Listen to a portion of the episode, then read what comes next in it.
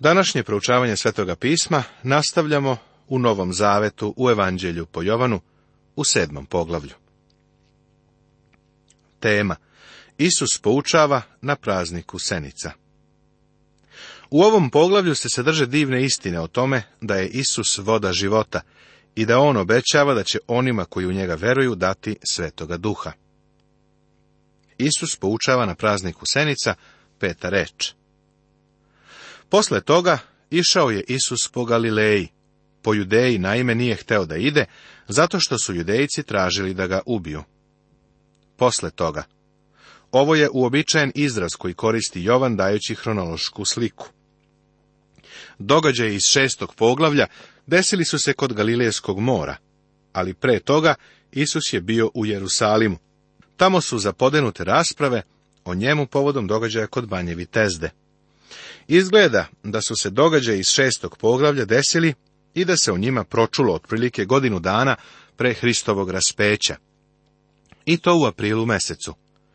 Događaji u sedmom poglavlju su se pojavili oko šest meseci kasnije, u oktobru.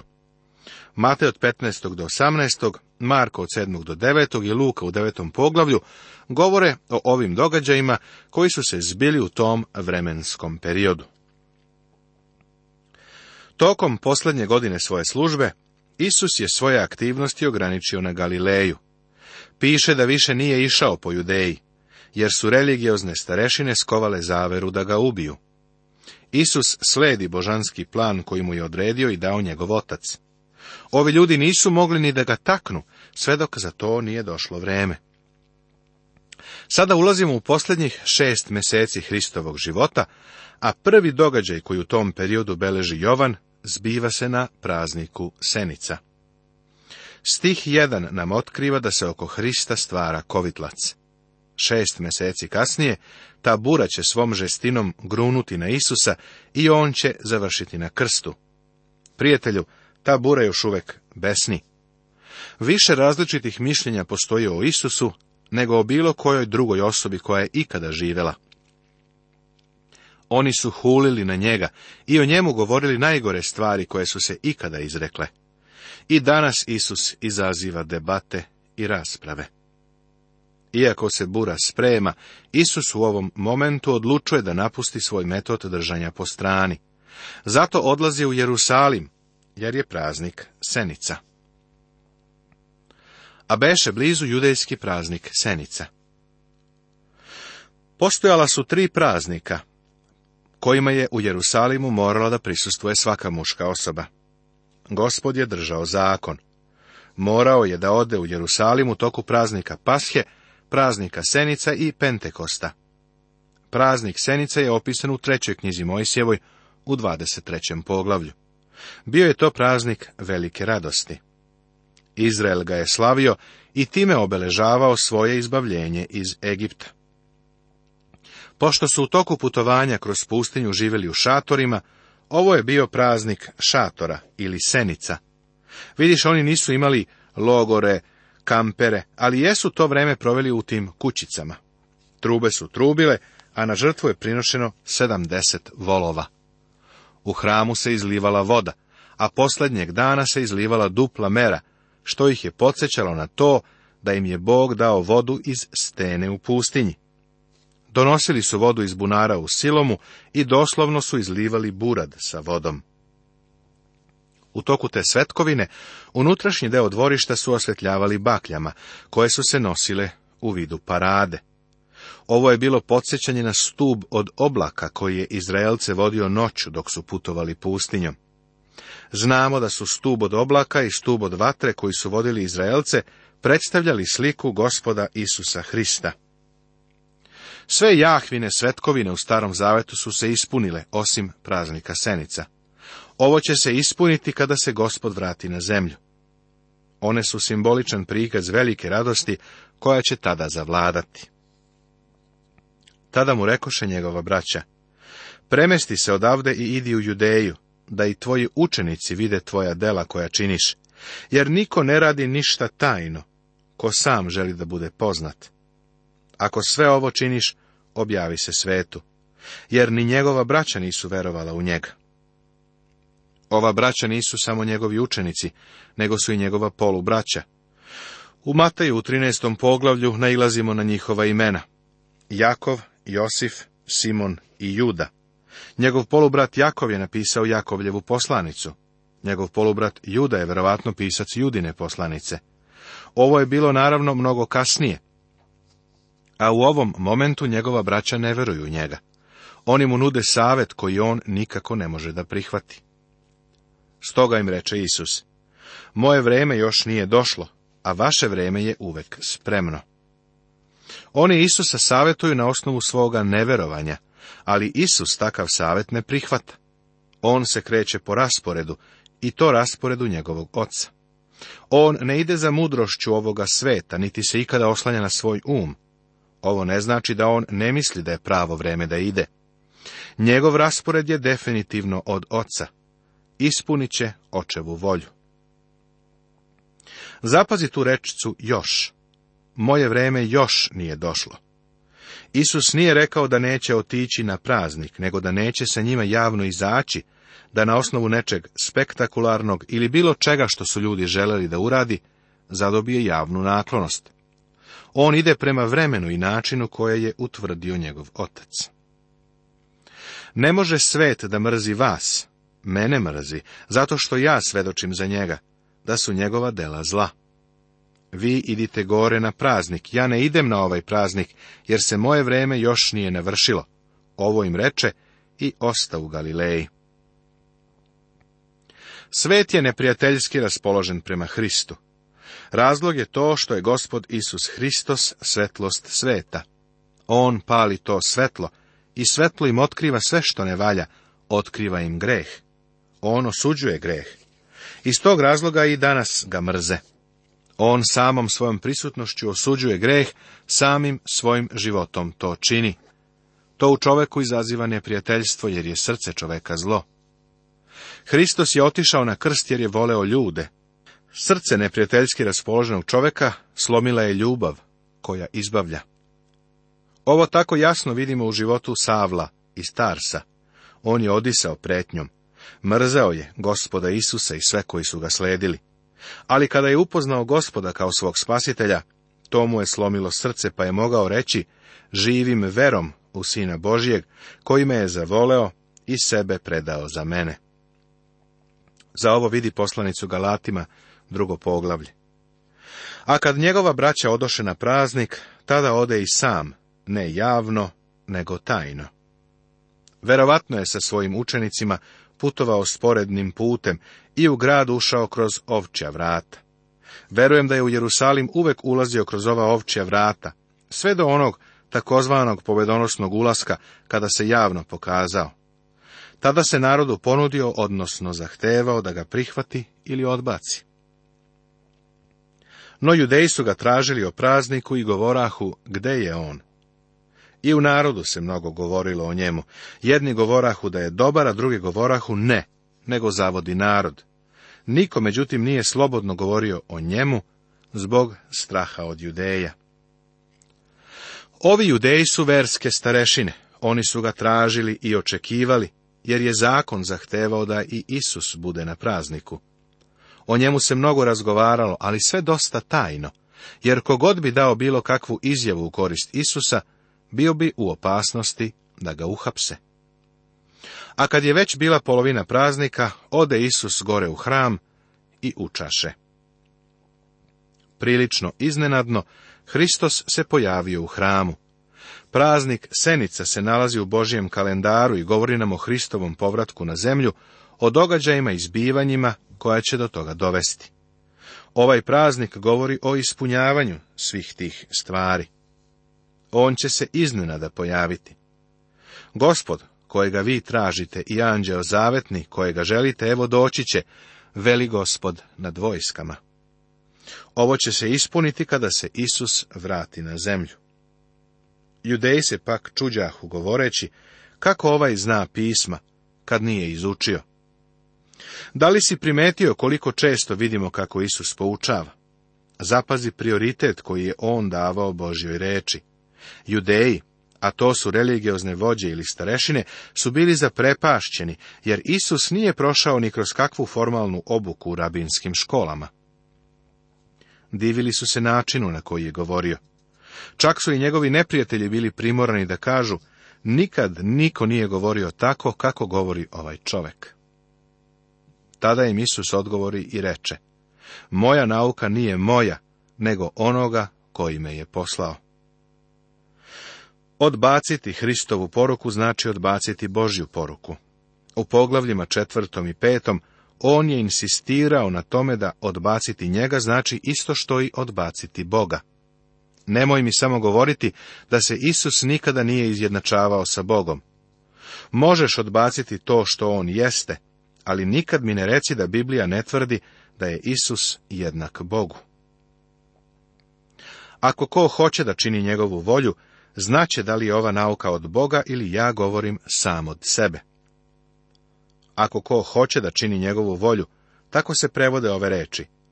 Stari zavet poziva, ispitajte i vidite kako je dobar Bog u 34. psalmu. Imamo jednu poslovicu koja kaže dokaz da je ovo puding je to što ga pojedeš. Isus te poziva, dođi, uradi jedan test.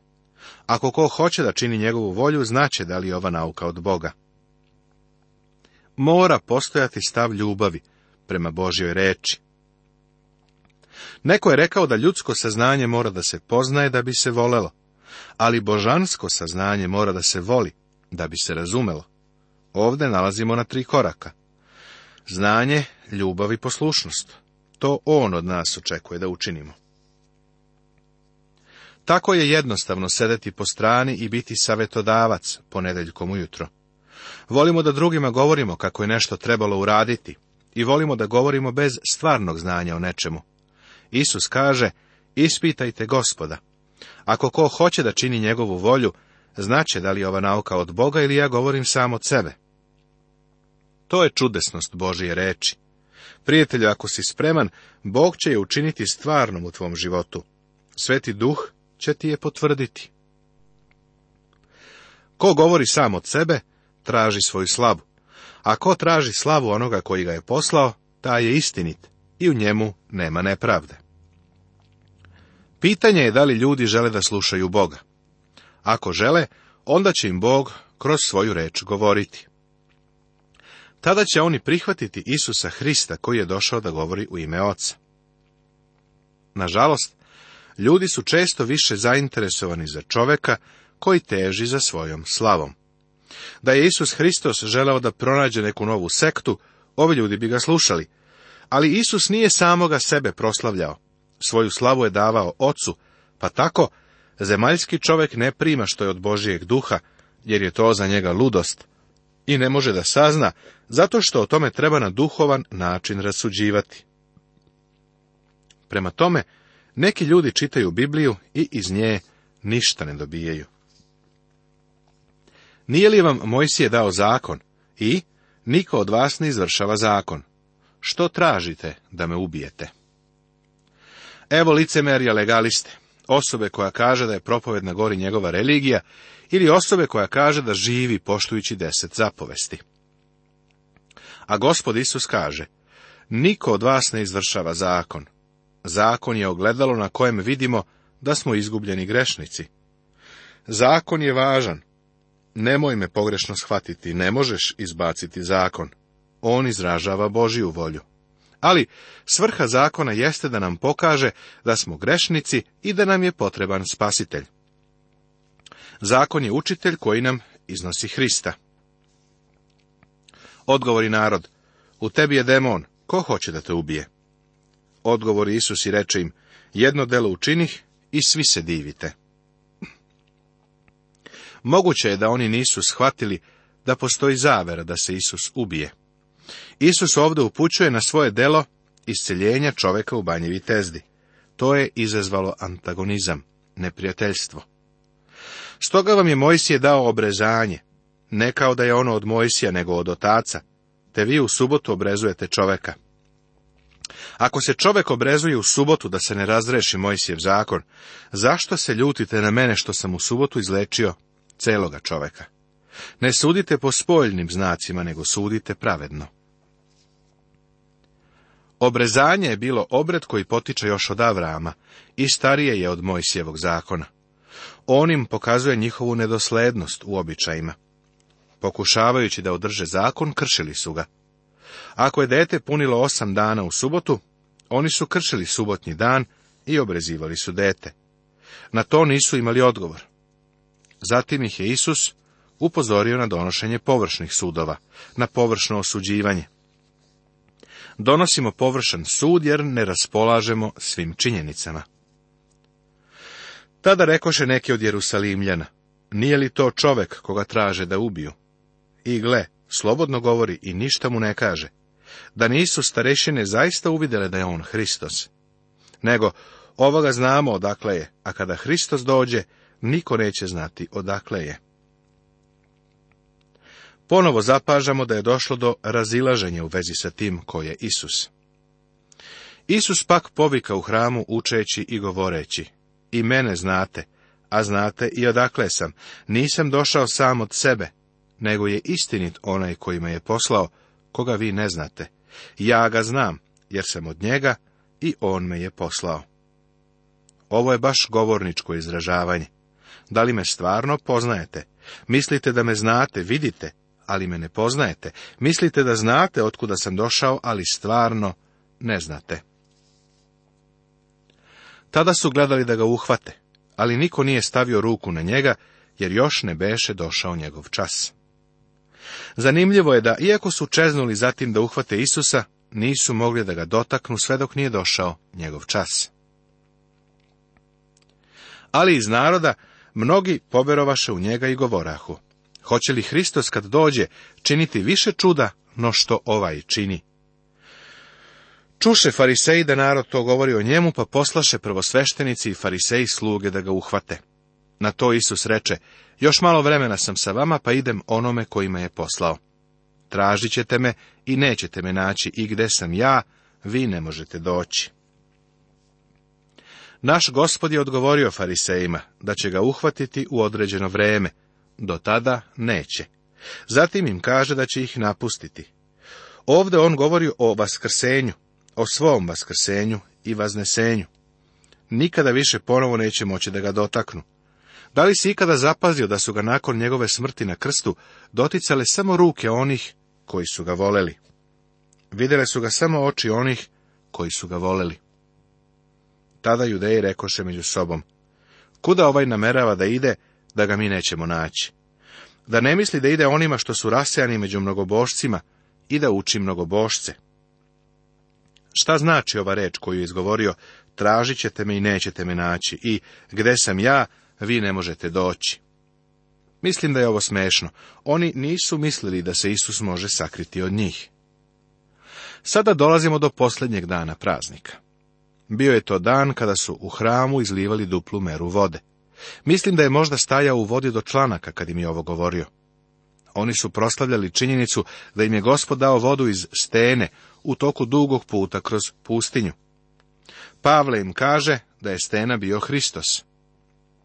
On je taj koji daje stvarnu vodu, vodu života. A posljednjeg velikog dana praznika stajao je Isus i vikao govoreći, ako je ko žedan, neka dođe k meni i neka pije. Prijatelju, ovo je slobodna volja. Ako je ko, to znači ti, Bog ti nudi dar. Tu je i izbor, ako je ko žedan. Pitanje je da li si žedan, da li si možda pio iz blatnjavih rupa ovoga sveta, pa si shvatio da te ne mogu zadovoljiti. Ako je ko žedan, neka dođe k meni i neka pije. Ti možeš da dođeš k njemu i primiš ga kao svog spasitelja. Ko veruje u mene, kao što reče pismo, iz njegovog tela će poteći reke žive vode. Ovo je pak rekao za duha koga su imali da prime oni što veruju u njega, jer duh još ne beše sišao, pošto Isus još nije bio proslavljen. Sveti duh još nije bio dat, jer Isus još nije bio proslavljen. Sveti duh nije sišao sve do dana Pentekosta. Tada je došao da prebiva u vernicima i da od njih načini jedno telo. Dolazak Svetoga Duha na taj danas uvjerava da se Isus vratio na očev tron. A neki iz naroda, koji su čuli ove reči, govorahu, ovo je zaista prorok. Neki od naroda su verovali u Hrista i obratili su mu se. Pili su i bili su zadovoljni. Drugi govorahu, ovo je Hristos. Treći pak govorahu, zar će Hristos doći iz Galileje? Istu stvar imamo i danas. Neki veruju, neki ne. Zar ne reče pismo da će Hristos doći iz Davidova potomstva, i to iz Vitlejema, sela gde David beše? Tako nasta podvojenost u narodu zbog njega. On je bio od semena Davidova i iz grada Vitlejema. Tu je prvi put dotakao ovu zemlju. Bilo je to njegovo prizemljenje u tu jednu malu štalu u tom bednom gradiću. To baš i nije bilo kao na lepim božićnim čestitkama. Nastavit će se.